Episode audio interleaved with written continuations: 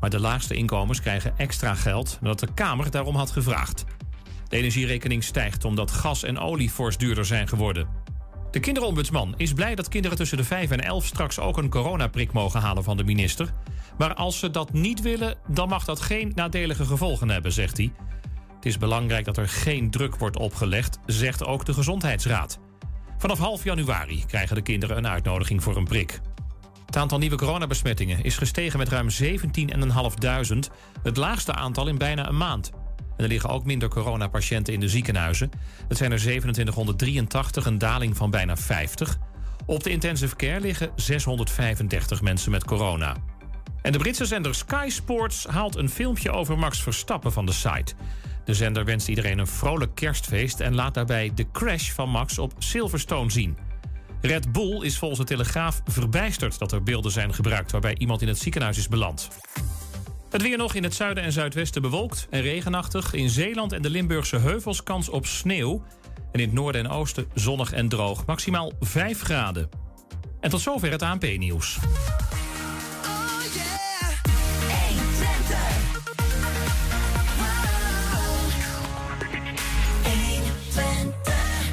1 op de drie jongeren heeft spijt van zijn studiekeuze. Saxion schiet studietwijfelaars nu te hulp met een nieuw traject. Kun je het bedje iets zachter zetten? Oh, sorry. Uh, FC Twente neemt het zondag in eigen huis op tegen angstgekner RKC. Al kan trainer Ron Jans weinig met zulke termen. Bas uit Hengelo was jarenlang verslaafd aan alcohol. Hij belandde er zelfs door in het ziekenhuis. Via verslavingsinstelling Tactus is hij weer op de goede weg. En in de serie gesprekken over drone-hoofdstad Enschede... praten we met Roger Borre over 1001 drone-toepassingen. Het is vrijdag 10 december. Dit is 120 vandaag. 120. 1. 120 vandaag.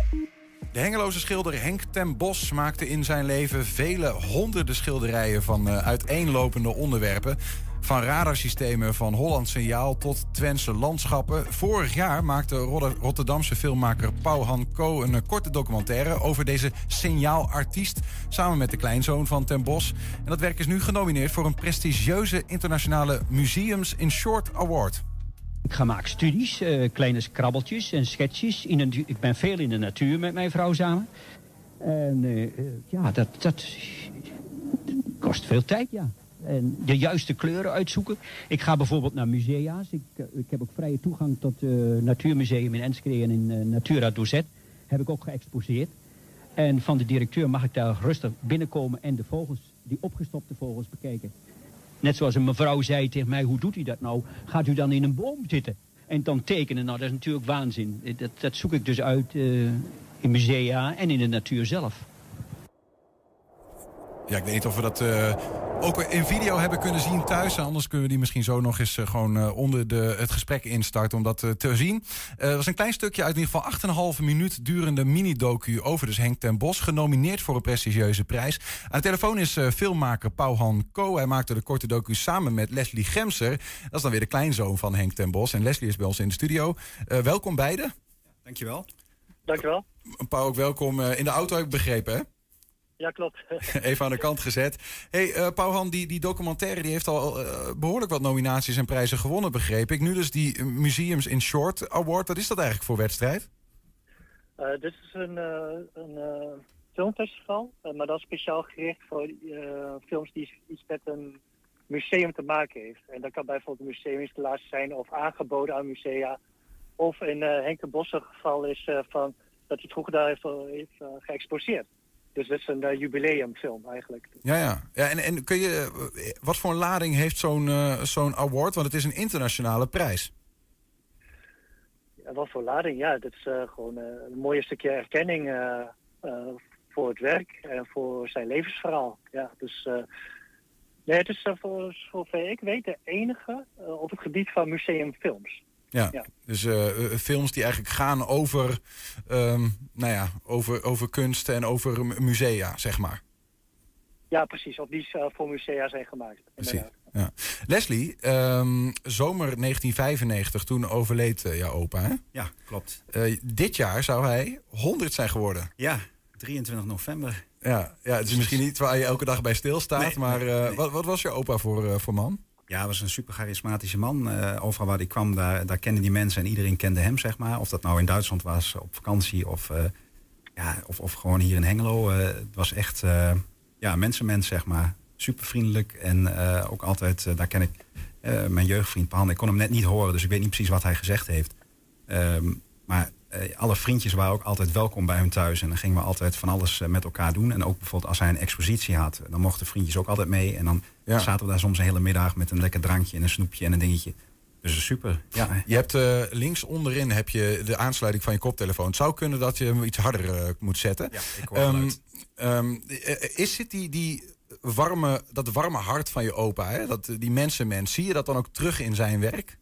Eh, ja, ik denk het wel. Ik denk dat, eh, dat vooral als je ziet, eh, ehm, ja, als dieren zeg maar schildert, dan, eh, ehm, ja, dan zie je gewoon de, de passie voor bepaalde dingen zie je terug. Ook de landschappen van Twente of wat dan ook. Dat, ja, dat herken ik wel terug in de schilderijen ook. Ja. Waar komt die naam dan, die signaalartiest, waar komt die vandaan? Ja, dat is eigenlijk in de tijd gegeven door de mensen vanuit Hengelo en- die ook bij Signaal werkten. En ook, ook van Signaal zelf. Omdat zij vroeger had je een, eh, ehm, iemand, het was een illustrator was hij. Eh, wat ze nu allemaal met computers maken, dat, eh, dat werd toen met de hand geschilderd. Dus bij Signaal maakten ze bijvoorbeeld radarapparatuur. En dat werd dan vervolgens moest dat gepresenteerd worden eh, aan nou ja, andere landen bijvoorbeeld, waar Signaal eh, klanten had zitten. Voorganger van Thales, toch? Zorro? ja, Kan ik dat klopt. zo zien? Ja, dat is de voorganger van Thales. ja, ja. En op het moment dat er dus een, een- product gemaakt werd, dan schilderde hij dat product, in dit geval bijvoorbeeld een radarsysteem, op een enorm fragat eh, van de marine. En dat werd dan gepresenteerd. En dat gebeurt nu allemaal natuurlijk met de computer. ja, ja. En daar was hij dan, eh, ja, werd dan genoemd de signaalartiest. Ook omdat het op begon te vallen bij eh, de rela- zakenrelaties van eh Thales, het signaal destijds. En die zeiden van, goh, eh, wij willen eigenlijk ook wel eens iets anders als zo, eh, eh, zeg maar zo'n fragaat. We willen graag bijvoorbeeld een, een portret van eh, bijvoorbeeld eh, eh, koning Olaf van Zweden heeft hij geschilderd. En Hussein van Jordanië, eh, die heeft hij bijvoorbeeld geschilderd. Als een soort van geschenk of zo, Ja, vanuit zo'n Ja, bedrijf. precies. Dat werd als geschenk werd dat, eh, werd dat gegeven dan. Oh, wat grappig. Zij Ja. was aan de ene kant eh, de digitale vormgeving van nu, zeg maar, avant la lettre, toen er nog geen computer Ja, ja, was. klopt. Toen Ja. schilderde hij dat. En Ja. op een gegeven moment ging hij ook gewoon cadeaus vanuit het bedrijf schilderen. Ja, ja, want het werd gewoon, mensen zagen dat, weet je. Die zeiden, wat is dat prachtig geschilderd. En Ja. ik, ik heb eigenlijk wel een vrouw die ik graag op die manier geportretteerd wil hebben of iets dergelijks. Dus Ja. ja, super. Ja, en koning Hussein, dat, dat, dat, klinkt als een gro- grote naam in ieder Ja, geval. ja, dat was niet die foute hoe zijn van, Nee, eh, nee, nee. van Jordanië was dat. Precies. Dus eh, ja. Ja, vooraanstaande mensen. We hebben een aantal eh, foto's om even te laten zien. Hè. Oh, Zo bijvoorbeeld, je had het over zo'n marinefregat. Dit is dus, dit is, of foto's, dit is een schilderij. Ja, ja klopt. Ja. Wat, wat, wat is dit? Is hier nog iets over te vertellen? Nou ja, wat het is, is je ziet daar een aantal van die bollen op zitten, zeg maar. Dat zijn bijvoorbeeld de radarsystemen die destijds signaal maakten. En dat moet dus, moest dus gepresenteerd worden eh, op het moment dat het in actie was. En dat is dus nou ja, een varend schip. En dat werd dus eh, met, met de zee en de lucht erbij werd geschilderd. En, en die bollen dus op een eh, marinefragat. Zat hij er dan op een bootje naast met een schildersezel? Nee, nee, nee. Of, dus zo ging het nog niet. Nee.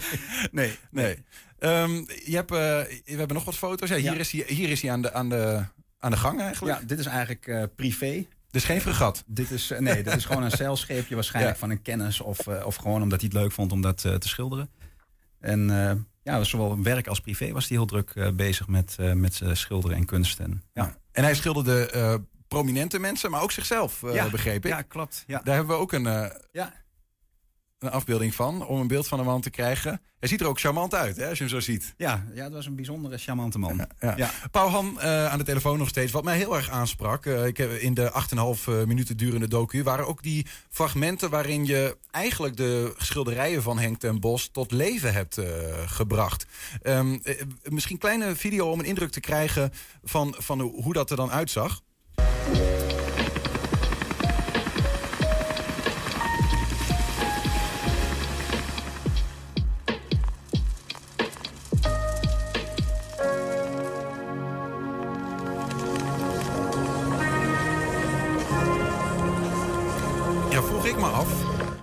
Ehm, hoe, hoe heb je dit gedaan? Oh, dat is eh, heel veel werk. Eh, eh, nou, ik ben filmmaker en ik, ik vind het leuk om special effects te doen, of visual effects om beter te zeggen. En ik ben, ben er vooral door de lockdown steeds handiger in geworden. En op een gegeven moment raakte ik in gesprek met uh, Leslie en ik hoorde over zijn plannen van, uh, goh, het is vandaag 50 jaar geleden, daar moet wel iets mee. En uh, toen dacht ik aan die schilderijen, want ik was ook geïnspireerd door uh, de stromingen uh, Paintings Come to Life. Je hebt van die Vincent van Gogh schilderijen die tot leven komen. Ja. Of oude verhalen die een nieuwe sausje hebben gekregen. Kijk, was zoals Anne Frank die gaat vloggen. Nou, ik vind dat wel cool. Wat, wat nou als we een Twentse verhaal gewoon tot leven brengen? En toen dacht ik van Henk de Bos. En ik zag die schilderij, hé, hey, daar kunnen we iets mee. Dus ja, en, en ik ben nu eenmaal handig met animatietechniek en toen ging ik los. Ja, ja, en dat was dus ook naar aanleiding van dat het 25 jaar na zijn overlijden ook was, zeg je? Het ging eigenlijk gewoon spontaan. Want, we waren gewoon aan de telefoon. En toen ging ik even een schilderij proberen met een animatie. Het zag er zo goed uit. Een van de eerste wat ik ging proberen is... Hoe kan ik zorgen dat die zee gaat bewegen en zo. Ja. En het zag zo realistisch uit. Ik dacht, wauw, weet je. Dus ik denk van, ja... Ik ging toen nog, uh, nog meer proberen, nog meer proberen. En voor je het weet... we kunnen net zo goed een documentaire van maken. Ja, inmiddels heb je niet van allerlei kanten uit de wereld aanvragen van... hey, bring my paintings to life? nee, nee, dat niet. wel uh, om andere filmprojecten te doen. Dat weer wel. Leslie, wat wou je zeggen? Je wou net even inhaken. Ja, nou, het was gewoon hartstikke leuk. Want wij gingen natuurlijk in de coronatijd had je eigenlijk weinig contact met elkaar. En wij wonen natuurlijk ver uit elkaar. Ik in Hengelo, hij in Rotterdam. Terwijl jullie jeugdvrienden zijn. Ja, ja, ja. Hij, heeft, hij, is ooit ook uh, geboren in, in Hengelo. En het grappige is dat um, wij, uh, onze ouders hadden al contact met elkaar, zeg maar, of met, met mijn opa. Uh, want zij kwamen hier uh, vanuit Azië hier naartoe, eigenlijk helemaal niet bekend. En mijn opa heeft zijn ouders uh, ja, een beetje rondgeleid in Twente, waar ze allemaal leuke plekjes konden bekijken en landschappen en weet ik wat allemaal. Ja. Dus nou ja, weer het mensenmens. En ja, op die manier um, zijn we ook in contact gekomen met hun. En toen onze beide moeders zwanger waren, toen nou ja, zaten we eigenlijk, wij zaten in de buik, toen waren we al bij elkaar. Ja, ja, ja, ja. En uiteindelijk zijn we op school bij elkaar gekomen, zijn we vrienden geworden. Dus ja, zo is die vriendschap ontstaan. En met elkaar zijn we dus een beetje gaan appen, ook in de coronatijd, over dingetjes. Hij stuurde wat door, wat hij net vertelde. En op een gegeven moment hadden we ook zoiets van, hé, hey, maar wacht eens even, dit jaar is het 25 jaar geleden voor het nalatenschap, wat ik toen dan destijds als 17-jarige beloofd had. Ja. Maar toen viel alles viel in elkaar. En toen dachten we, nou, hier gaan we mee aan de slag. Ja, ja over dat nalatenschap gesproken, um, dat zien we aan het einde van uh, de korte film. Zien we eigenlijk een soort appgesprek tussen jouw opa en jou uh, in 1995, geloof ja, ik. Ja, van hé, hey, uh, kleinzoon, lieve Leslie, Ja. um, wil jij op mijn schilderijen passen? Ja. De, heb je dat ook gedaan? Wij hebben dat iets gemoderniseerd. En nu is het natuurlijk app, dat was toen Nee, allemaal dat was het toen nog niet. En, en hij, heeft dat zeg maar... eh, de situatie was wel echt. Eh, de situatie was dat hij op het ziekbed lag. En op een gegeven moment aan mij vroeg van... Goh, weet je jongen, als ik er niet meer ben... wil jij dan op mijn schilderijen passen? Want dat was zijn grootste bezit. Naast Mhm. natuurlijk allereerst zijn familie. Ja. En eh, ja, dat heb ik toen beloofd. Exact op de manier zoals dat eh, eigenlijk via die appjes... eh, heel mooi door per hand in elkaar gegoten is. ja. Dus dat... Dus die, ja. die, die staan allemaal ergens. Nou ja, een- aantal eh, staan bij mij thuis. Een aantal eh, bijvoorbeeld eh, bij mijn vader of mijn broertje. Eh, maar er is nu ook een, in 2019 is er een gezondheidscentrum Vivaldi. Daar hangen ook een, hangt ook een collectie, zeg maar. En dat heeft een tijdje bij de huisartsenpost in Hengelo heeft een collectie gehangen. Ja. Ja. Heb jij ze ook fysiek eh, nog gezien in 2020, eh Paul Han? Uh, bedoel je de uh, schilderijen? Ja? Of ben je vooral van digitale werken uitgegaan? Ik, alleen digitale werken, ja. Dat was best wel een klus. Want die man heeft zoveel mooie schilderijen gemaakt. En ik moest toch een keuze maken. Wat laat ik zien? En wat ga ik animeren? Wat kan ik dan doen? Dus, eh, maar ik...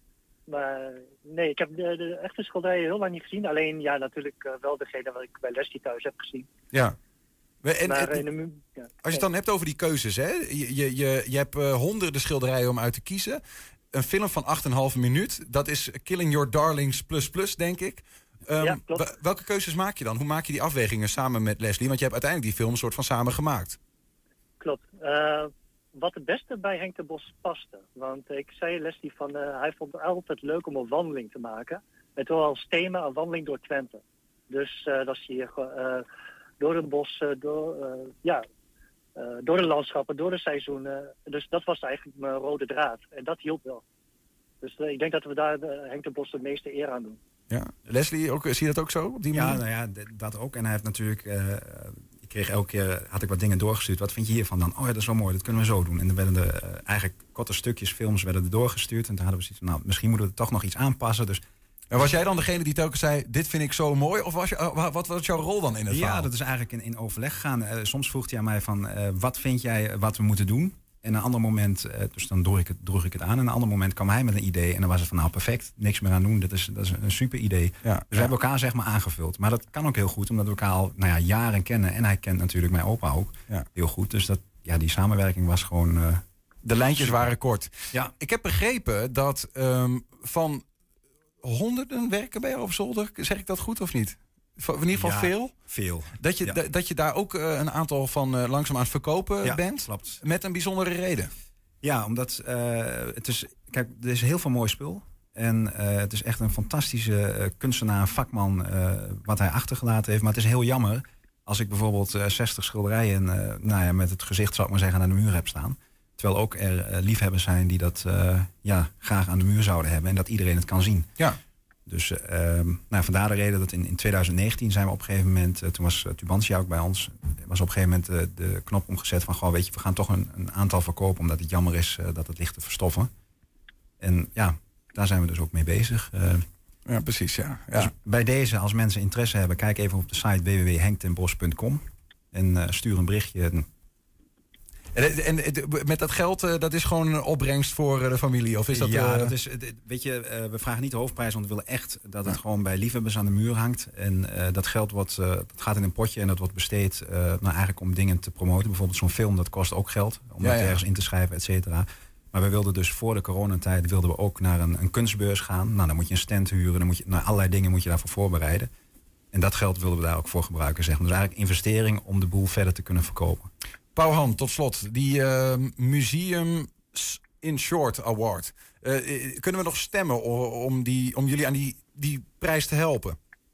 Ja, eh, vandaag is de laatste dag. Ah. Dus museuminshort.eu.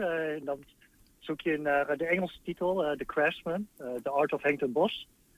En als je daarop stemt, dan steun je ook een stukje Twentse nalatenschap. Gaan we doen. Pauwhan Ko vanuit eh, een auto ergens bij Rotterdam misschien, maar weet ik eigenlijk niet. Maar dankjewel voor je, voor je medewerking eh, vanuit daar en ook hier in de studio. Leslie, dankjewel voor je komst en eh, succes met de film. Ik hoop dat je wint. Jullie ook eh, bedankt. Dank u wel. Super Graag gedaan. Zometeen Saxion, die helpt eh, met een nieuw traject studietwijfelaars op het goede spoor. Ja, en we zijn ook als podcast te luisteren via alle bekende platforms. Je vindt ons daar onder de titels 120 Vandaag en 120 Vandaag uitgelicht. 120. 120 vandaag. FC Twente neemt het zondag in eigen huis op tegen RKC. En gezien de resultaten in het verleden kunnen de Waalwijkers als angstgegner gezien worden. Ron Jans wil daar niet zo ver in meegaan. Trainer, we zijn eh, heel iets eerder eh, dan normaal. Normaal op vrijdagmiddag, eh, nu is het donderdag. Eh, wat kan dat betekenen wat betreft misschien wat vraagtekentjes... waar jij nu misschien nog niet zeker van weet of je ze zondag kunt gebruiken of niet? In hoeverre is dat aan de orde? Ja, dat heeft niet zoveel met het eh, programma te maken, maar wel met de eh, fysieke gesteldheid van, eh, van spelers. Jongens waren, hadden gehoopt dat Wout Brama weer zou aansluiten, maar dat wordt dit weekend nog niet. Ugalde is maandag uitgevallen met wat klachten. Die krijgt vandaag een scan. Het gaat op zich goed met hem, maar die scan moet nog even bevestigen dat hij ja, zaterdag met de groepstraining mee kan doen en, en dan bij de wedstrijd is. Oké, dus die scan is even afhankelijk of hij aan kan sluiten bij de wedstrijdselectie. Dat is wel een belangrijk eh, moment. ja. En eh Luca Evering, die was weer aangesloten vorige week net een trainingje toen gehad. Toen zei je al, ja, dat zal even afwachten zijn. Wat kun je daarover zeggen? Ja, ik vond het vandaag eh, goed op de training. En ehm, hij heeft het ook goed volgehouden. Dus ja, dat wordt inderdaad een overweging of we hem inderdaad ehm, eh, fit genoeg vinden... om ook bij de wedstrijdselectie te komen. Dus dat, dat, dat zou dan weer een plus zijn, hè? Nou ja, nu treffen jullie RKC dit weekend. En altijd als die wedstrijd eraan komt, dan zie je her en der... en die hoor je ook weer opduiken, de termen angstgegner. Dat blijft een gek fenomeen eigenlijk. Want ja, als je ieder jaar allebei een ander team hebt... dan zou dat in principe niet uit moeten maken. Maar ehm, hoe kijk jij naar dat fenomeen? Eh, heb jij daar zelf ervaring mee in jouw eh, carrière als trainer? Dat er bepaalde tegenstanders zijn? Nou ja. Met eh angstgegner heb ik meer ervaring als leraar Duits dan, dan als trainer. Want ehm, ja, ik, ik, elke wedstrijd ga ik altijd om te winnen. Maar ook als we kijken naar onze ploeg. Want de jongens moeten het, eh, moeten doen. Ik heb niet gevoeld dat eh, zij met eh, dat RKC een angstgegner zien. En, en, en ik hoor wel dat eh, Twente een hele slechte statistiek heeft tegen RKC. Alleen daar waren de meeste van ons allemaal ja, niet bij. Dus, eh, maar het is wel een mooie statistiek. Vorig jaar hebben we twee keer verloren van RKC. Dus dan kunnen we winst eh, boeken en dat, eh, dat willen we heel graag doen. Nee, dat is precies wat jij zegt. Want ja, als je dan, dan kun je wel heel veel jaren terug gaan kijken, maar met compleet andere poppetjes. maar is dat dan te verklaren wat dat dan kan zijn? Dat je soms als ploeg één zo'n tegenstander hebt... wat op een of andere manier altijd vervelend is of lastig is? Of... Ja, maar ja, eh, volgens mij is het best om er gewoon eh, daar niet aan te denken. Deze wedstrijd die, eh, staat weer op zich met nieuwe spelers en, aan beide kanten. En ehm, ja, en er valt wel wat te halen, denk ik. Waar vooral, wat jou betreft? Nou ja, dan ga ik gewoon uit van onze eigen kwaliteit. Ehm, we krijgen op het moment in ieder geval weinig goals tegen. Eh, we willen wel meer creëren. Maar ja, we, we, we hebben ook wel te maken dat in de eredivisie... dat je eh, soms ook ehm, speelt tegen tegenstanders. Ehm, Sparta denk ik dan aan, bijna de hele wedstrijd. Maar ook Go Ahead, een heel groot gedeelte van de wedstrijd... Ja, die heel erg eh, diep inzakken. En, dan nog een extra verdediger erbij gooien. En ja, dat is best lastig om dan veel te creëren. Dus, maar ja, als je thuis speelt tegen RKC... RKC is wel, dat hebben ze ook al bewezen... Eh, ook dit jaar is weer een lastig te bespelen ploeg. Maar we mogen ook wel een beetje ja, eh, positief zijn over onze eigen kracht. Ja, je noemt even, ja, vorig jaar, hè, dat waren niet echt eh, mooie cijfers waar je op terug kunt kijken tegen RKC. Nee. Maar ook, hè, wat wil zeggen, andere ploeg. Hoe kijk jij naar hen, wat, als je dat een beetje afzet tegen die ploeg vorig jaar, dan nu? Nou, ze hebben bijvoorbeeld een andere trainer. Ze hebben de laatste wedstrijd hebben ze met ehm, ehm, eh, vijf verdedigers hebben ze gespeeld. Ehm, ehm, ehm, er zitten toch weer eh, een aantal jongens in. Ehm, hebben- dan denk, kijk even naar Kramer en Odgaard. Die ehm, ja, zitten wel eh, lang. eh, ehm, kunnen een goal maken. Ehm Odgaard heeft ook wel een, eh, een, een actie. Bellassani van vorige week eh, de beste speler bij, eh, bij RKC. Alleen, ja, ehm, je moet altijd oppassen. Ik vind echt een, ehm, eh, best een lekker ploegje eh, eigenlijk. Alleen ja, bijvoorbeeld uit bij, bij, bij Pek Zwolle was RKC niet om aan te zien. Hebben ze alleen maar tegengehouden. En ja, ik hoop dat ze dat eh, eh, tegen ons eh, ook eh, veel moeten doen in ieder geval. Je noemt al eh, een aantal spelers van, eh, nou ja, die je misschien wel in de gaten moet houden. En er is een nieuwe aanvaller eh, bijgekomen. Dat was een sprookjesboek eigenlijk vorige week, of niet? Ja, ja dat is eh, Kuipers van, eh, van Den Bosch. En ja, die kennen we nog niet zo goed. Maar die, die was als amateur speelde die bij eh, Den Bosch. Daar heeft hij geloof ik negen keer gescoord. En eh, hij was ook trefzeker in zijn invalbeurt eh, vorige week. Ja. Jij noemde net al even van, hè, van die bepaalde wedstrijden. Bijvoorbeeld de wedstrijd tegen Sparta, maar ook die vorige week tegen Go Ahead. Ehm, in hoeverre kun je, als je dan kijkt naar aankomend weekend... dat je denkt van ja, in die lijn der verwachtingen... zal het misschien ook wel een beetje gaan liggen, de wedstrijd. Nou ja, het, het, het, het zou best kunnen dat het overeenkomst eh, vertoont, tactisch in ieder geval. Ehm, in de, met, met de wedstrijd met Go Ahead Eagles. Ehm, en ehm, ja, we, zullen, we zullen het wel zien, want de uitvoering is nooit eh, hetzelfde als, eh, als de week ervoor. In hoeverre heeft dan die pot jou wellicht andere inzichten opgeleverd naar dit weekend toe? Omdat je ja, die uiteindelijk toch wat omgooide, de overwinning over de streep wisten te trekken? Ja, nou ja, dat, dat, eh, je, we hebben toen met eh Oegalde een tweede spits ernaast eh, gezet. Als een tegenstander met vijf verdedigers speelt... ja, betekent dat ook dat dat nog niet zoveel risico inhoudt. Ehm, en ja, wat ik gewoon mooi vond... is dat niet alleen door de invalbeurt en, en, en wat, wat de jongens brachten, de invallers... en niet voor het eerst, moet ik zeggen... Dat, dat als je een goal maakt... dat opeens de ene ploeg de overwinning ruikt... en de ander nog verder terug gaat lopen. En ja, daar hebben we goed van. Met, ook eh, een, een prima mentale veerkracht. Ehm, Jenny, ja, die maakt het logisch dat dat opgebouwd wordt. Die maakt steeds wat meer minuten. Ehm, wanneer komt er wat jou betreft het punt dat je misschien wel weer gaat denken aan... kunnen we weer met hem gaan starten? Zit je al op zo'n punt? Nee. Ja, dat speelt natuurlijk andere Nee, nee, dat is ook mee, eh, fysiek, want hij is eh, conditioneel nog niet voor, voor 90 minuten. Maar het wordt, eh, elke week wordt het, eh, wordt het meer. En, en eh, hij wordt er alleen maar eh, eh, sterker van. En eh, ja, daar zijn we gewoon hartstikke blij mee. Maar ehm ja, Vaslav, eh, eh, die gaat in ieder geval nog niet, eh, nog niet starten tegen, eh, tegen RKC. Ja, straks. Bas uit Hengelo was jarenlang verslaafd aan alcohol. Hij belandde er zelfs door in het ziekenhuis. En via verslavingsinstelling Tactus is hij weer op de goede weg.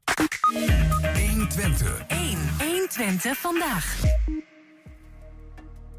Krijgt spijt van de studie die hij heeft Ja. gekozen. Blijkt uit een onderzoek van het jongerenpanel van 1 Even kijken, één op de drie jongeren krijgt spijt van de studie die hij heeft gekozen. Dat blijkt uit onderzoek van het jongerenpaneel van 1 Vandaag. Saxion schiet hen nu te hulp. Speciaal voor studietwijfelaars is het traject Kans ontwikkeld. De eerste groep is een maand geleden van start gegaan... en twee betrokkenen zitten nu bij Niels aan, aan tafel. Niels, hoor jij mij? Ja, ik hoor Mick wel, Ja, maar hij moet mij zeker. ook horen. Ja, ik hoor jou Niels. dat, eh, Luid en duidelijk. Take it away. Ja, oké, nou dan gaan we gewoon even opnieuw. Eén op de drie jongeren, vertelde ik, krijgt spijt van eh, de studie die hij heeft gekozen. Het blijkt uit een eh, onderzoek van het jongerenpanel van één Vandaag. Nou, Saxion die schiet hen nu te hulp. Speciaal voor deze studietwijfelaars is het traject Kans ontwikkeld. De eerste groep die is een maand geleden van start gegaan. En twee betrokkenen die zitten bij mij aan tafel. Dat zijn Aldo van Duivenbode, projectleider van het traject Kans. En ook eh, Eline Woudstra, een van de studenten die eh, meedoet. Welkom beiden. Dank je. Dank je. Ehm, Eline, jij bent zo'n eh, studietwijfelaar. Ja, Eh, vertel eens, eh, waar twijfel jij over? Nou, ik doe eh, nu nog de studie commerciële economie. En ik zit nu al in het derde jaar. Ehm, en ik twijfel eigenlijk over mijn hele studierichting. Of ik daar wel in het vakgebied iets kan vinden wat voor mij eh, weggelegd is. Ehm, en ik mis eigenlijk het menselijke aspect in mijn hele studie. Dus eh, veel twijfels. Want commerciële economie, dat gaat over dat je marketingwerkzaamheden gaat doen? Of wat? Ja, je hebt eigenlijk of je komt bij marketing terecht... of eh, echt de verkoop of eh, de digitale wereld. Ja. Dat zijn de drie stromingen eigenlijk waar je... Wel ingewikkeld. Als je in je derde jaar zit, van de Ja. vier denk ik... Ja, klopt. Ja, van de vier. dan kun je ook niet meer echt afhaken, toch? Nee, nou, heel officieel kan het nog wel, maar het is inderdaad wel een beetje zonde om nu nog af te haken. Ja.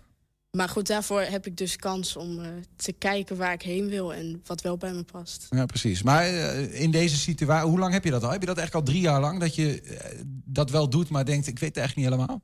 Het eerste jaar vond ik nog wel alles interessant, want alles is natuurlijk nieuw. Dus dan nou ja, is het wel interessant om te leren. Het tweede jaar was natuurlijk ook corona dat erbij kwam. Toen vond ik het al wat minder leuk, maar ik dacht ook, ja, je werkt thuis, dus misschien ligt het daaraan. Maar toen ik echt het derde jaar begon, ben ik ook met mijn Mino begonnen. En dat was ook eh, niet echt wat bij mij ligt. Dus eh, ik heb nou ja, afgelopen twee jaar ben ik wel aan het twijfelen geweest. Ja, een, minor is een soort van eh, even een zijstapje in je studie. Ja, klopt. Ja. Dan Ja. kun je ehm, je specialiseren op iets wat jij interessant vindt. Wat doet het met je als je zo in de twijfel verzeild raakt? Ja, het is lastig. Het is, ehm, nou ja, veel risico's zitten er natuurlijk aan. Als je gaat stoppen, wat ga je dan wel doen? Ehm, nou heb je drie jaar weggegooid of begin je ergens anders opnieuw? Ehm, en natuurlijk het gevoel dat je er alleen in staat. Want nou ja, derde jaar is en ik hoor ook niet van vrienden dat ze twijfelen. Dus wel lastig om eh, te kijken hoe de toekomst eruit ziet. Ja. Nou hoor je ook vaak ehm, dat studietwijfel en het leenstelsel in één, adem worden genoemd. Mhm. Omdat jongeren zich eigenlijk ja, verplicht voelen om het dan maar af te maken. Want je hebt er gewoon veel geld voor betaald. Ja. Ehm, ja, dan moet, er, dat moet terugverdiend worden. Zit dat, hijgt dat wel eens in je nek? Ja, ook wel. Ja, vooral als je eh, een bachelor hebt afgerond en je wil een nieuwe beginnen, dan moet je dus instellingsgeld betalen. Ja. Dus dat is ook wel een dingetje. Dat neem ik wel mee in mijn twijfel of ik wel of niet doorga. Aldo, die, dat cijfer 1 op 3, daar schrok ik wel van. Is dat iets wat al jarenlang zo is? Of neemt dat toe? Of zit daar een ontwikkeling in? Nou, eh, exacte getallen weet ik daar niet van. Maar dat er twijfel is, eh, is, is, is natuurlijk van alle tijden. Maar wat wij wel merken is dat eh, in corona dat nadrukkelijker, in de coronatijd nadrukkelijker naar boven komt. Wa waardoor komt dat? Ehm, ik, denk, ik denk ook dat het te maken heeft met het feit dat eh, jonge mensen ook steeds meer het idee hebben dat het twijfelen, ja, dat hoort eigenlijk niet. Hè? Wij, wij verwachten heel veel van jonge mensen. En je hoort het precies te weten. En op het moment dat je begint te twijfelen, is dat een soort van afwijking van de gewenste route. Dus ik denk dat er ook wel een soort van taboe op zit. En ja, in deze, in deze tijd met corona komen dat soort dingen, denk ik, wat versterkt naar boven. Ja. Is dat terecht, eh, die, die twijfel over twijfel, die onzekerheid? Hè? Of, eh, of, Nee, of- ik, nou ja, goed, kijk. Nee, eh, ik denk dat het heel belangrijk is dat twijfel erbij hoort. Hè. Dus we zijn het programma ook gestart vanuit... op een gegeven moment viel de opmerking van... als je twijfelt moet je dat zien als een kans. En ja, mensen met wat meer vlieguren, zal ik maar zeggen... waar ik mezelf toe kan rekenen, die, die weten dat twijfel natuurlijk ook altijd het begin is van... nieuwe, nieuwe, de- nieuwe kansen, nieuwe sporen...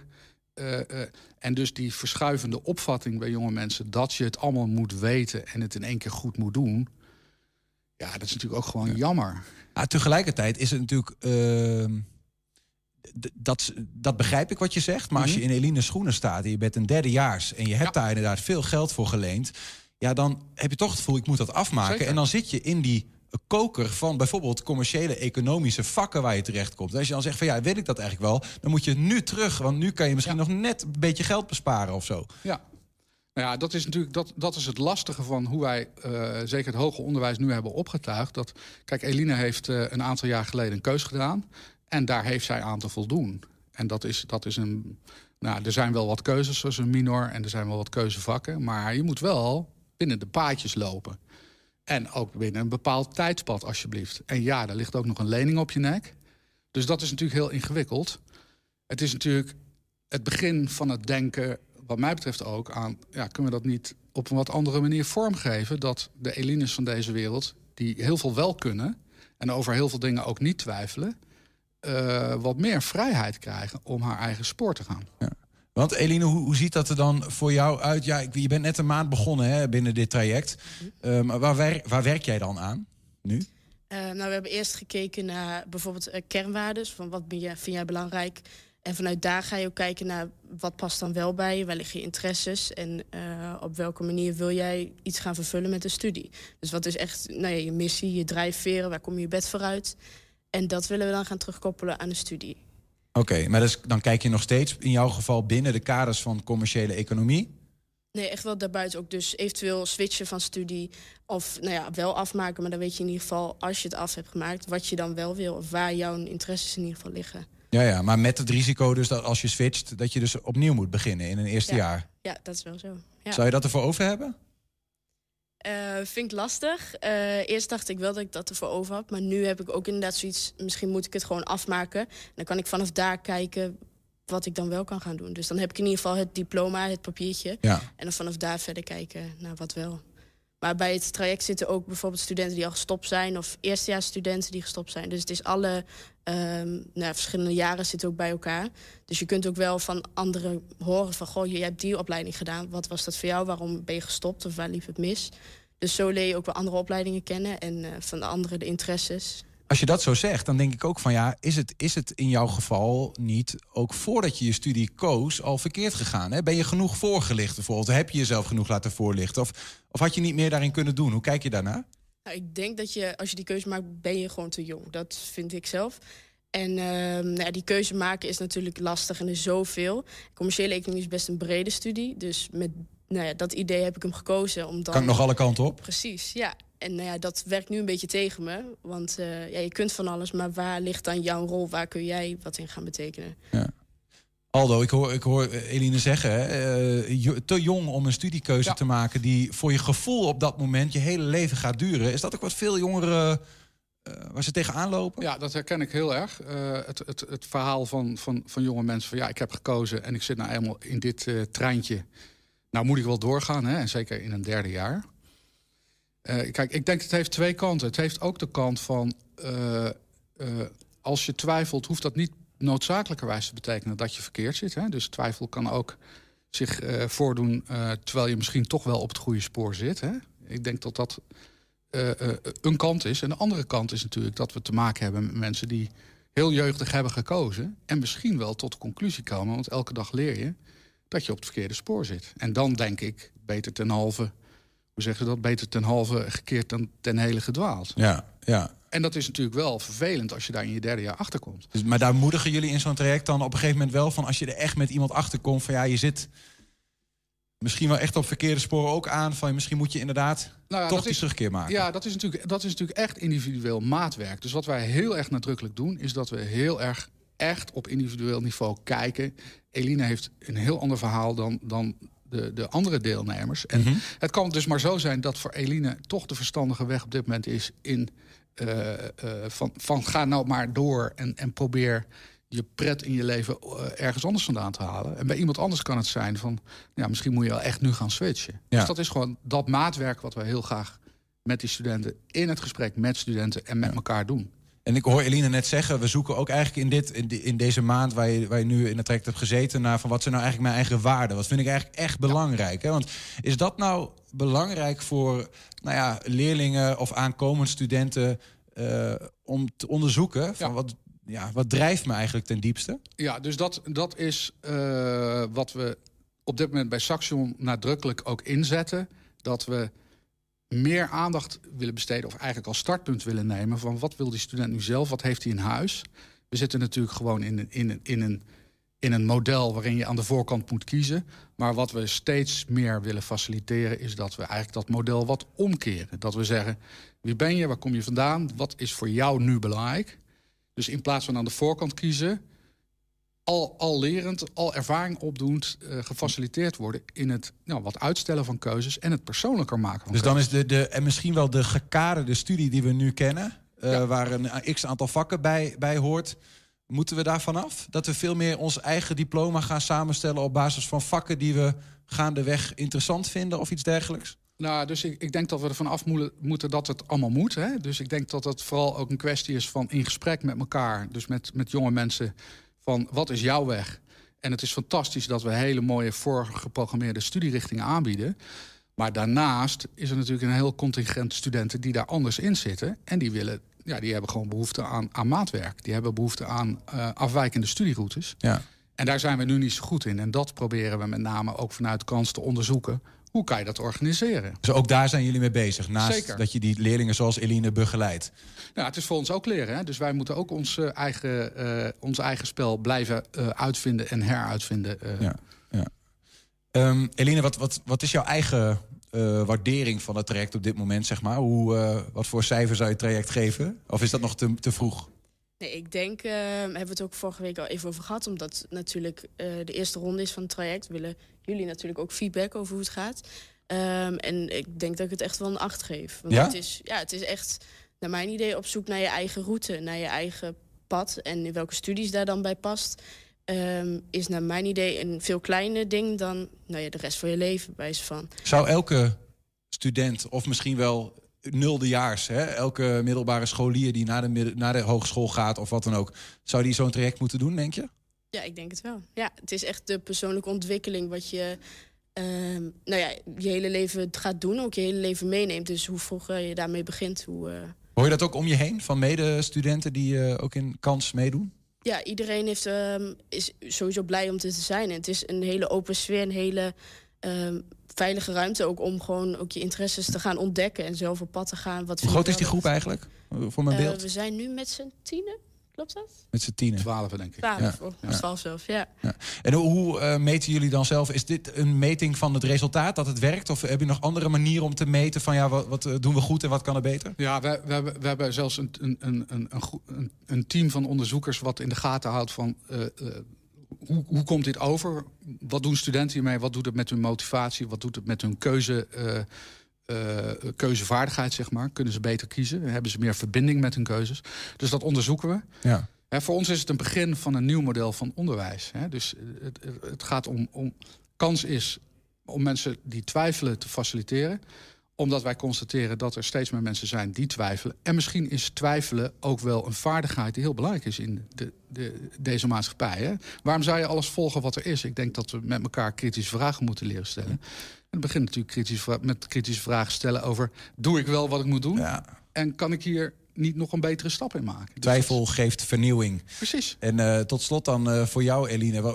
Heb je al een idee van die vernieuwing? Ben je al een beetje eh, in je hoofd aan het puzzelen van misschien moet ik die kant op? Qua studierichtingen nog niet echt. eh, maar wel meer dat ik ook echt weet, het menselijke aspect, daar wil ik iets mee. Dus dat heb ik echt wel uit dit traject ook gehaald. Dat dat echt wel een waarde is wat ik ook belangrijk vind om terug te zien in de toekomst. Wat ik ook ga doen. Mooi. Ik hoop dat het je lukt. Dankjewel. Eline Woudstra was bij ons. En ook eh, Aldo van Duivenbode. Dank jullie wel. Dank je. Dankjewel. Ja, in de serie Gesprekken over Dronehoofdstad Enschede praten we zometeen met Roger Borre over drone-toepassingen die hij maakt met zijn bedrijf. 120. 1. 120 vandaag. In 120 vandaag zenden we deze dagen portretten uit die RTVO's maakten bij Tactus Verslavingszorg. Het zijn persoonlijke verhalen van mensen met verslavingsproblemen. Vandaag het verhaal van Bas uit Hengelo die jarenlang verslaafd was aan alcohol en zelfs door het, eh, daardoor in het ziekenhuis belandde. Medicatie. Ik zat gemiddeld eh, wel op twee flessen wijn per dag. En eh, ik werd wakker in de CT-scan. Ik ben Bas en ik ben in herstel bij Tactory. Ja, lekker hè? Meerdere burn-outs achter de rug. En ik kon altijd wel uit plezier drinken. Dat was ook prima. Ik functioneerde ook. Alleen door een samenloop van omstandigheden werd dat gewoon, werd alles mij te veel. Ik ben letterlijk omgevallen. Want hoeveel, waar, ja, waar hebben we het dan over? dat wisselde, maar dat eh, zat gemiddeld eh, wel op twee flessen wijn per dag. Maar ja, op een gegeven moment zie je het niet meer, dan word je depressief. En eh, ja, en op een gegeven moment hield het gewoon op. Ja. Er is op een gegeven moment een moment dat je denkt... dit kan niet langer, want ik beschadig mezelf. Dit, dit, gaat niet goed.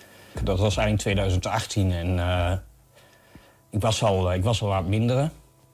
En toen dacht ik van, nou prima, ik kan ook wel, wel gewoon stoppen. En eh, dat heeft geleid eh, tot een eh, epileptisch insult. En eh, ik werd wakker in de CT-scanner. Het zijn hele nare dagen, zijn dat.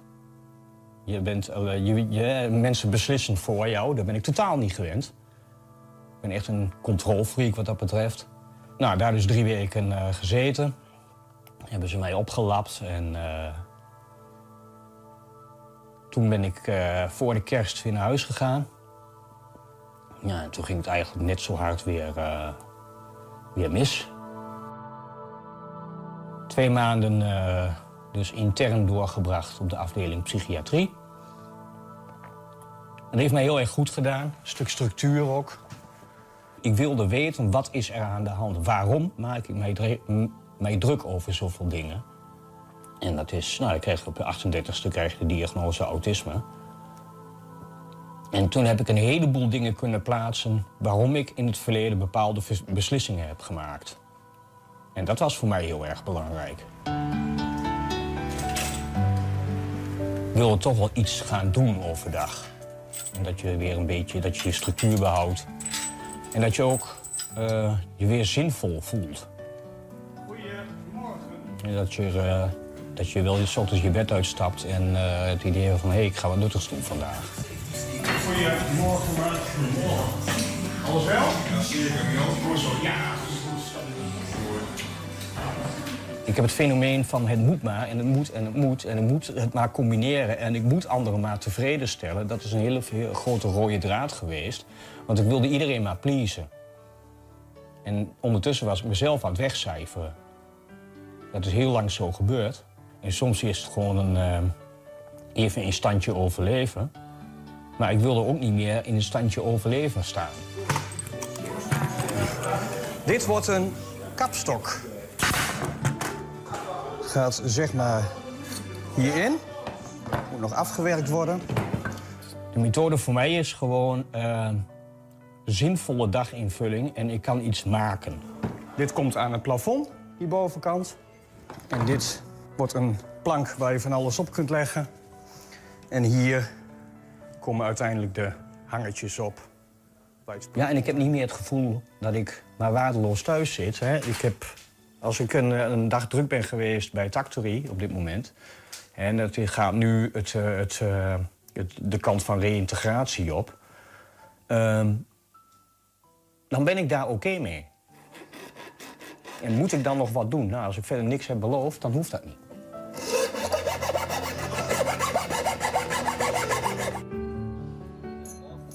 Het belangrijkste voor mij is gewoon, Tactory is ge- gewoon voor mij een integraal onderdeel van de behandeling. Voor mij. En ik kan ook met jongens praten die tegen dingen aanlopen, tegen, hè, tegen jongens en meisjes bij ons. eh, ehm. er gaan wel meer mensen op hun bek. En, en, en ik mag wel eens falen. En Ik heb, eh, ik heb 38 jaar lang gedacht dat dat niet mocht. Het is, nog één keer, het, is, eh, het is echt een keer goed misgegaan. eh, begin dit jaar. En toen eh, heb ik ook gezegd van nou prima, ik wil nog één keer de kliniek in. En toen ben ik de kliniek ingegaan. En toen ik eruit kwam, sinds dat punt... dat is echt een kantelpunt geweest. Sinds dat punt eh, heb ik me nog in één dag afgemeld, bijvoorbeeld. Waarom vertel jij je verhaal? Het kan iedereen overkomen wat mij overkomen is. En dat, is, eh, dat, dat sluipt erin. Dat kan er erg insluipen. Het kan ook goed misgaan. Als je kijkt naar de toekomst, hè? Wat is je droom? Waar ga je naartoe nu? Ik wil leuk werk, een leuk huis, eh, Het beste voor mijn katten, het beste voor mijn familie en vrienden. Dat. En voor jezelf? Rust in mijn hoofd. En ehm, blij zijn met wie ik ben. En gelukkig komt dat al een heel stuk dichterbij. Ja, ik wil mijzelf gewoon wel weer senang voelen. En dat, dat, dat, dat, dat gaat met de dag beter. Ja, dat is het verhaal van Bas uit Hengelo. Ook maandag zie je nog een portret van iemand die zich eh, met behulp van tactus uit een verslaving vocht of vecht. De stembussen voor de 120 Top 1000 zijn geopend. Hè. Je kunt nu naar eh, 120.nl slash top 1000. Kun je top 10 muzieknummers alle tijden doorgeven. En van 27 tot en met 30 december... dan zenden we die 1000 meest gekozen platen uit. Stemmen kan nog tot en met 19 december. En dat doe je via 120.nl slash top 1000. Heb jij al gestemd, eh, Niels? Nog niet. Jammer. 120. 1. 120 vandaag. Probeer altijd de goed afgewogen keuzes te maken. Goed zo, goed zo. Dan wordt eh, Enschede de drone-hoofdstad van Europa. In een serie over drones, oftewel eh, vliegende robots, zoals de professor eh, dat onlangs zei, zoeken we dat uit deze weken. Vandaag onze derde gast over dit onderwerp. Hij is directeur van Robor Electronics uit Bentelo. Zich bezighoudt met de toepassingen van drones. Roger Borre, goedemiddag. Goedemiddag. Ehm, als we met een man praten die een bedrijf in Bentelo heeft over drones, eh, moeten we dan wel praten over drone hoofdstad Enschede, vroeg ik me af. Nou, wij zijn onderdeel van Space 53, dus ik voel het wel als, eh als 120, zeg maar. Ja, ja, precies. Ja. Er zijn samen één drone-regio misschien dan wel. Ehm, eh, als we het hebben over het bedrijf waar je leiding aan geeft, dan hebben we het over een bedrijf dat niet zozeer drones maakt, maar vooral de techniek die eronder hangt, heb ik begrepen. Hè? Ja, wij richten ons vooral op de toepassingen voor drones. En dat is heel breed, maar eh, wij zijn wel gespecialiseerd in eh, toepassingen voor de first responders, zoals je dat noemt. En dat is de brandweer, politie, defensie, maar ook NVWA en Rijkswaterstaat, zeg maar. Die dus eh, snel op locatie moeten zijn en real-time data moeten inwinnen. Dus dat zijn de drones die autonoom uit zichzelf denken: ik moet ergens naartoe om te kijken wat er aan de hand is? Of? Nee, dat hoeft niet. Het gaat meer om de data die ze inwinnen. En dat kan zijn eh, beelden, maar ook eh, thermische beelden. Kunnen we bijvoorbeeld eh, automatisch drenkelingen of een ver- vermist persoon in het bos detecteren, automatisch detecteren, maar ook lokaliseren, zodat eh, mensen op de grond er heel snel naartoe kunnen lopen, et cetera. Dus Maar moet ik me voorstellen dat die drone eh, door eh, bijvoorbeeld een politie in werking wordt gesteld? Van hey, ga eens onderzoeken wat daar aan de hand is. Of is die drone eigenlijk 24-7 eh, de ge- het gebied aan het scannen om te kijken of er dingen aan de hand zijn? Nou ja, zeg maar de gewone standaardmethode is, zoals het nu nog mag, zeg maar nu mag, Mhm. is gewoon met de piloot. En dan ga je een heel bos automatisch afscannen en dan eh, op zoek naar bijvoorbeeld eh, vermiste personen. Maar in de toekomst is het wel de bedoeling dat er ook heel veel autonoom gevlogen gaat worden. Maar dat mag allemaal nog niet. Maar bijvoorbeeld eh, een drone vooruitsturen als er een brand is, dat de brandweer alvast kan zien binnen een minuut, kan zien wat er aan de hand is. Of ze moeten opschalen met, met personeel, dat er dus nog meer brandweerwagens ingezet moeten worden, et cetera. Mhm. Dus daar gaat het wel naartoe. En dat soort testen doen we dus ook allemaal op Space 53. Ja. Is dat vooral nog, is vooral nog testen of, of gebeuren dit soort dingen ook al in real life? Nee, het is eigenlijk nog allemaal testen, omdat het eh, in real life nog niet mag. Autonoom mag je niet vliegen. Dus zonder piloot eh, op de achtergrond, ook al zit die piloot eh, in de meldkamer bij spreken. Het moet altijd iemand zijn die meekijkt. Maar goed, ik kan me ook voorstellen dat als je het hebt over de brandweer, daar hadden we met professor eh, van Saxion ook al over. ehm, dat je als je met een drone kun je misschien sneller bij een brand zijn of bij een meldingsplek dan een brandweer. Dat je toch even die eerste check kunt doen. Ja, nou, dat is wat ik net probeerde uit te leggen. eh, dat- je dus die eerste check doet met een drone. Dan zijn die beelden al binnen een minuut eh, in de meldkamer. Ja. En dan kunnen ze zeggen van, oh ja, jongens, eh, er is veel meer aan de hand. Dus schaal maar vast op. Maar dat gebeurt al wel met een piloot. Of ook dat nog niet? Nee, dat gebeurt nog niet. Nee. nee. Ook vanwege regelgeving? Eh, nou, in principe, die piloot heeft ook tijd nodig om daar te komen bij zo'n incident. Het gaat er straks om. Oh, je kunt niet vanuit die meldkamer gewoon die drone eh, Nee, nee, eh, eh, nee. kilometers laten vliegen. Nee, dat mag niet. Ah, Is dan de techniek al verder dan dat de wetgeving eigenlijk zeg maar is? Ja, de, de, de wetgeving loopt altijd achter. eh, Altijd. Altijd het vijand nummer Ja. Ehm, nou lijkt me prachtig. Hè? De- bijvoorbeeld, eh, wat ik begreep, 80% van de meldingen eh, die de brandweer krijgt zijn eh, uiteindelijk, eh, nou ja, niet, niet, misschien niet bewust, maar zijn vals. Nou, een drone kan natuurlijk heel snel eh, zien of dat zo is of niet. Eh, we, ondertussen zien we ook op de achtergrond beelden van een, van een drone die in een container landt. Je kunt het ook daar zien. Wat zien we hier eh, eigenlijk?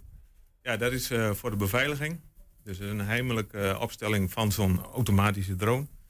Kijk, stel je wil een, eh, een compleet bootterrein eh, beveiligen en er gaat ergens een alarmsignaal af, zeg maar een, een, melder af, die detecteert dat er insluipers zijn. Dan gaat die drone daar boven dat gedetecteerde object hangen, dus in dit geval de insluiper. En dan kun je meekijken van wat daar gebeurt. Eigenlijk is het een eh, IP-camera, alleen dan eh, dynamisch in de lucht geprojecteerd. Het klinkt ook een beetje eng, hè? Dus ik, eh, ja, ja, ja, maar normaal, heb je- ja, ja, ik, ik vind honden ook heel eng trouwens. Maar je zult maar in het terrein oplopen en dan denk ik, zzz, en dan denk je, oh, wat komt er? Hebben, hebben mensen daar ook last van? Maak je dat mee? Dat mensen nou, toch nog een beetje wantrouwig Nou, zijn voor drones? Deze drone die, die weegt minder dan een kilo. En eh, ja, op 50, nou, ik wou zeggen 100 meter, eh, dan hoor je hem eigenlijk al niet meer. Nee, oké, maar hij kan eh, qua beelden en zo, privacy, eh, dat soort dingen kunnen, wel, kunnen mensen wel een probleem over maken. Of maken jullie dat niet zo vaak mee? is veelal eh met warmtebeeldtechniek. En dat moet je voorstellen als een soort van zwart-wit beeld. Ja. Dus daar kun je het, eh, dag en nacht eh, heb je dan hetzelfde beeld. Kleren aan of kleren uit maakt dan ook niks uit. Zeg. Maakt eigenlijk niks uit, die kunnen mensen niet herkennen. Nee. Ehm, als, als het heel warm is, weet je wat er aan de hand is. Nee, ja. Eh, Oké, dus we hebben de, de first responders, brandweer, politie. We hebben dit soort beveiligingstechniek. Heb je nog meer? Want ik word hier wel warm van om even de term Ja, nou ja, goed, eh reekhalfjes zoeken, wat altijd in het voorjaar gebeurt. Zeg maar dan, eh, de reekhalfjes die moeten gezocht worden. want als de boer gaat maaien, eh, blijven die reekhalfjes eh, liggen. Want die eh, worden daar neergelegd door de moeder. En dan eh, worden ze twee keer per dag gezoogd. Maar ze liggen midden in de wei. En eh, eh, ze vertrouwen helemaal op die moeder. Dus die, als er geluid of een grote machine aankomt, Ja. ze schrikken niet af. En ze kunnen ook nog nauwelijks lopen. Maar ze blijven juist liggen. Ze kruipen nog verder in de skulp, zeg maar. Dus zo'n reekhalfje eh, moet eigenlijk eerst opgezocht worden voordat zo'n boer gaat maaien om te redden. En dat doen we ook met weidevogels bijvoorbeeld. Wij eh, zitten ook eh, vooral in Friesland waar heel veel weidevogels, eh gruto's en kievieten, et cetera, gezocht worden, maar ook geteld worden, et cetera. Om, Ja. om het uitsterven een beetje in de, in, in gaten te houden.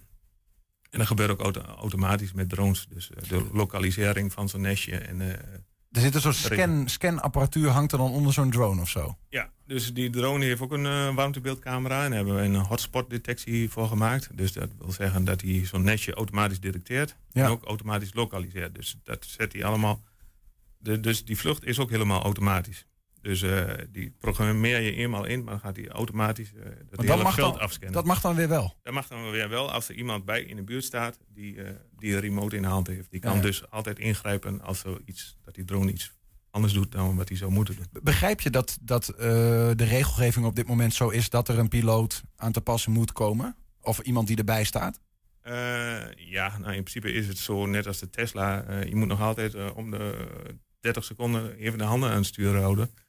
Dus de Tesla die rijdt ook nog niet auto- autonoom zonder dat er iemand achter het stuur eh, Maar ja, zit. in Amerika bijvoorbeeld al wel. Dus heeft dat dan Ja, te maar maken met Europese wetgeving? In testsituaties. Oké. Kijk, eh, niet eh, Niet eh, op, de, op de snelweg. Nee, en ik denk nadat die Tesla hier, nadat je bij die Tesla op de achterbank kunt gaan zitten, zeg maar hier in Nederland, pas dan zijn wij aan de beurt met, Ja. in, het, in het 3D-aspect. Wat, wat gebeurt hier? We zien op de achtergrond. Ja, ik zit toch ook nog even mee te kijken op. eh, volgens mij is hier een drone gecrashed. Je bent eh. ge- geïnteresseerd. Ik- of niet? Die heeft een noodlanding gemaakt. Eh, Wanneer maakt zo'n drone een noodlanding dan? Eh, als de batterij eh, onder de 15 eh, graden is en je gaat toch eh, vliegen. Aha, oké.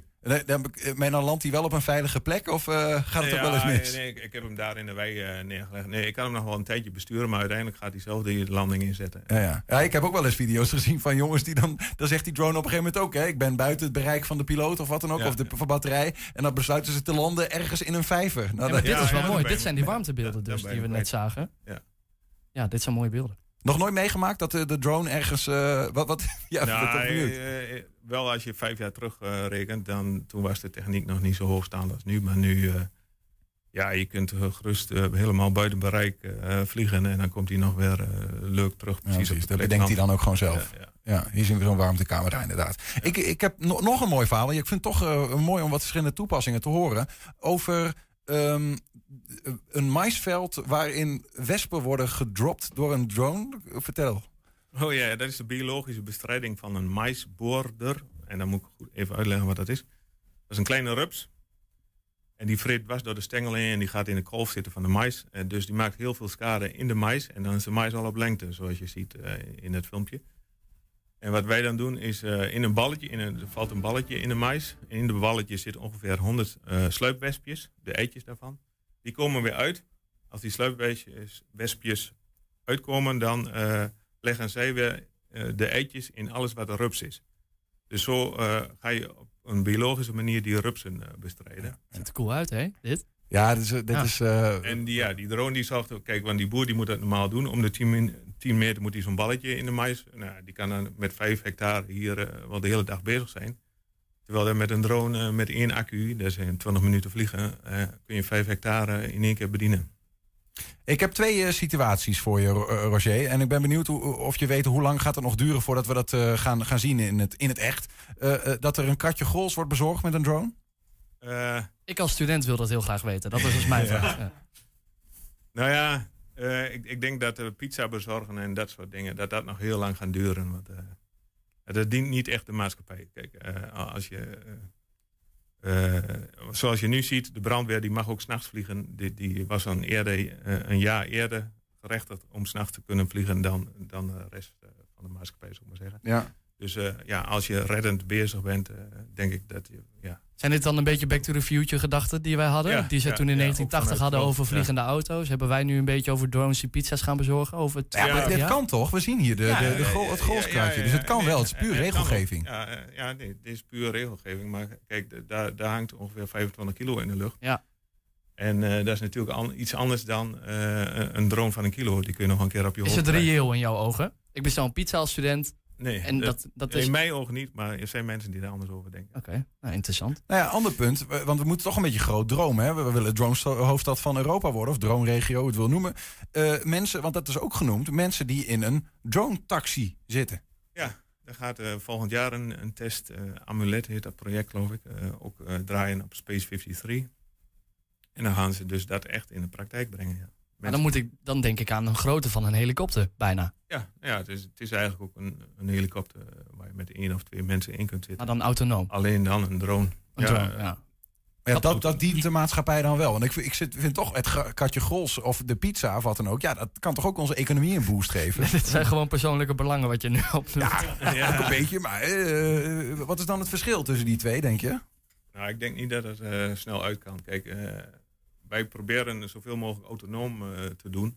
Omdat je nu altijd nog een piloot nodig hebt. Nou ja, die piloot eh, die moet ook betaald worden. En eh, ook in de landbouw, in de precisielandbouw bijvoorbeeld, zie je ook dat veel van de toepassingen eigenlijk nog niet uit kunnen. omdat, ja, nou voorheen, voor twee jaar geleden moest je dat nog met twee man doen. Het Mhm. is nu alweer teruggebracht naar één man. Dus zo langzamerhand straks op het moment dat de boer dat zelf kan, of dat wij het autonoom kunnen, bij wijze van spreken bij elke boer eh, komt er een drone uit de kliko, Ja, ja. dan, eh, dan kan, ja, kan die heel mooi dienst doen. Ja, precies. Maar het heeft dus ook heel erg te maken met of het rendabel eh, is om een, om een kratje grols met een drone te vervoeren, zeg maar. Ja. Ja, dus maar drone-taxis worden voor de rijken dan in eerste instantie. Ik denk wel. En nu in Abu Dhabi gebeurt dat geloof ik al. Oh ja? Ja. ja, we zagen net nog wat beelden trouwens van, van een reddingsactie hè? Met, eh, met, een, met een drone. Wat, wat gebeurt wordt, hier eh, precies? Er wordt een reddingsboei eh, gedropt met een drone. Voor de KNRM is dat. Dus Maar is dit, is dit voor meertjes of, of kan dit zometeen ook op de Atlantische Oceaan eh Ja, nee, maar dat gebeurt ook in, eh, aan de kust, zeg maar. Het is echt Ja. bedoeld omdat je eerst met die eh warmtebeeldcamera dus de redding of de, Slachtoffer. de drenkeling eh, Ja. kunt vinden, heel, auto, heel automatisch. En dan kun je hem alvast een eh, reddingsboei toewerpen. En dan locatie doorsturen. Dan locatie doorsturen naar de reddingsboord. En dan nog eh, toespreken via een eh, speaker. Ja, hou vol, hou vol. Ja, in principe wel. Ja, hier spreekt de politie. Ja. Ja, ik zie het voor me hoor. Ja. hartstikke goed. Eh, Tot slot nog één vraag, Roger. Eh, misschien een gewetensvraag, weet ik niet. Drone hoofdstad van Europa, Enschede of Twente. Ehm gaan we het worden? Eh, ja, een beetje jammer dat die burgemeester net weg is. Want er was wel een eh, ambassadeur. Voor, Van eh, Veldhuizen? voor- ja, voor de dronewereld. Ja. Maar Ik missen weet we die nu? Ik weet niet hoe de nieuwe... Roelof Bleker, misschien is die ook wel die drone-minded. Nee, maar ik hoop dat hij drone-minded is. En dan denk ik wel dat eh Enschede kans heeft om daarin voor op te lopen. Volgens mij heeft hij technische bedrijfskunde gedaan. Dus wat dat betreft zit, zit, zit hij wel een beetje in de techniek. Je ziet wel dat de brandweer, zeg maar, in de brandweer Twente loopt wat duidelijk voorop eh, als je het over heel Nederland bekijkt. Ja. Misschien luistert hij en heb je hem nu geïnspireerd. Nou, ik hoop het. Who knows? Eh, dus we- het is, nog, eh, het is nog geen vo- volmondig jaar, begrijp ik wel. Nou, laten we zeggen, ja, Twente wordt eh de dronegebied van, eh, van Nederland, laten we zo zeggen. Nou. Roger Borre, dankjewel. Dankjewel. Ja, en tot zover 120 vandaag. Terugkijken kan direct via 120.nl. En vanavond om 8 en om 10 uur via tv. Zometeen kun je luisteren naar Julian Vriend. Veel plezier en alvast een heel fijn weekend.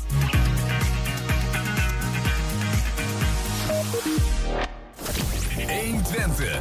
Weet wat er speelt In Twente. Nieuws van 4 uur. Goedemiddag, ik ben Robert-Jan Knoop. Mensen die weinig verdienen krijgen volgend jaar 200 euro extra om de hogere energierekening te compenseren. Het kabinet had al 400 euro toegezegd aan iedereen, maar de laagste inkomens krijgen extra geld.